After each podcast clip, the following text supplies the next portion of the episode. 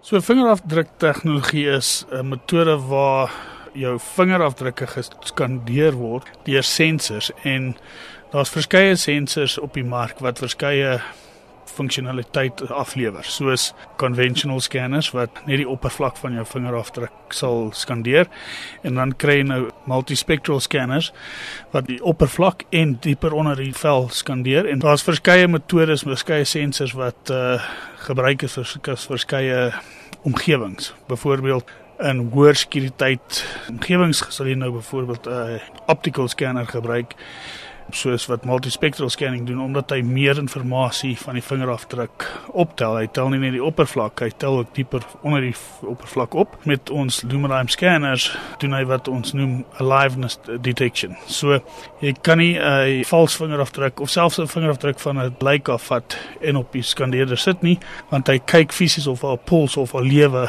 in daai vinger is wat op die stelsel geplaas word. So dis baie goed wanneer dit by veiligheid kom. Presies. Vingerafdruk tegnologie het ver gekom oor die laaste paar jaar. Dit word nou meer en meer gebruik in verskeie omgewings. In die mediese omgewing word dit baie gebruik om seker te maak dat jy 'n order trail het op eh, medisyne, wie dit uitgegee, wie dit kom haal en so voort so voort. Banke byvoorbeeld gebruik dit nou om te verifiseer wie jy eintlik is. So in die toekoms sal jy sien met die ATMs gaan jy ook nou 'n vingerafdruk op die op ATM. So dit is veilig en dit word veiliger met al die sekuriteitsfunksies wat ingebou word in hierdie skandeerders.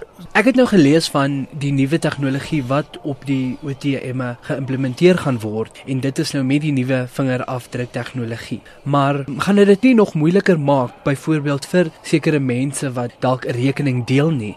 Die banke sal stap hê vir daai tipe situasies. Die einde van die dag moet jy sien 'n vingerafdruk vervang 'n pinnommer. Spesifiek omrede dat pinnommers gesteel kan word. Jy kan dit miskien soos byvoorbeeld vir familie gee en dan misbruik dit op 'n later stadium. So hoe die banke daai situasie gaan hanteer gaan op verskeie metodes gehanteer word. So dis 'n veilige manier om toegang te kry tot jou geld. Op watter ander maniere kan 'n mens hierdie tegnologie toepas?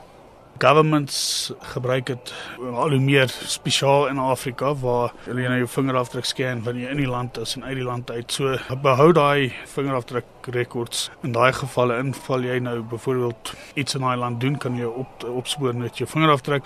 So dit gaan van kommersieel omgewings waar in PC environments waar jou vingerafdruk jou komputer sal unlock en weer eens dit kom terug na die password situasie toe sodat jy nie vir jou kollega jou paswoord gee nie of jou kollega kry jou jou paswoord en hulle misbruik jou rekening.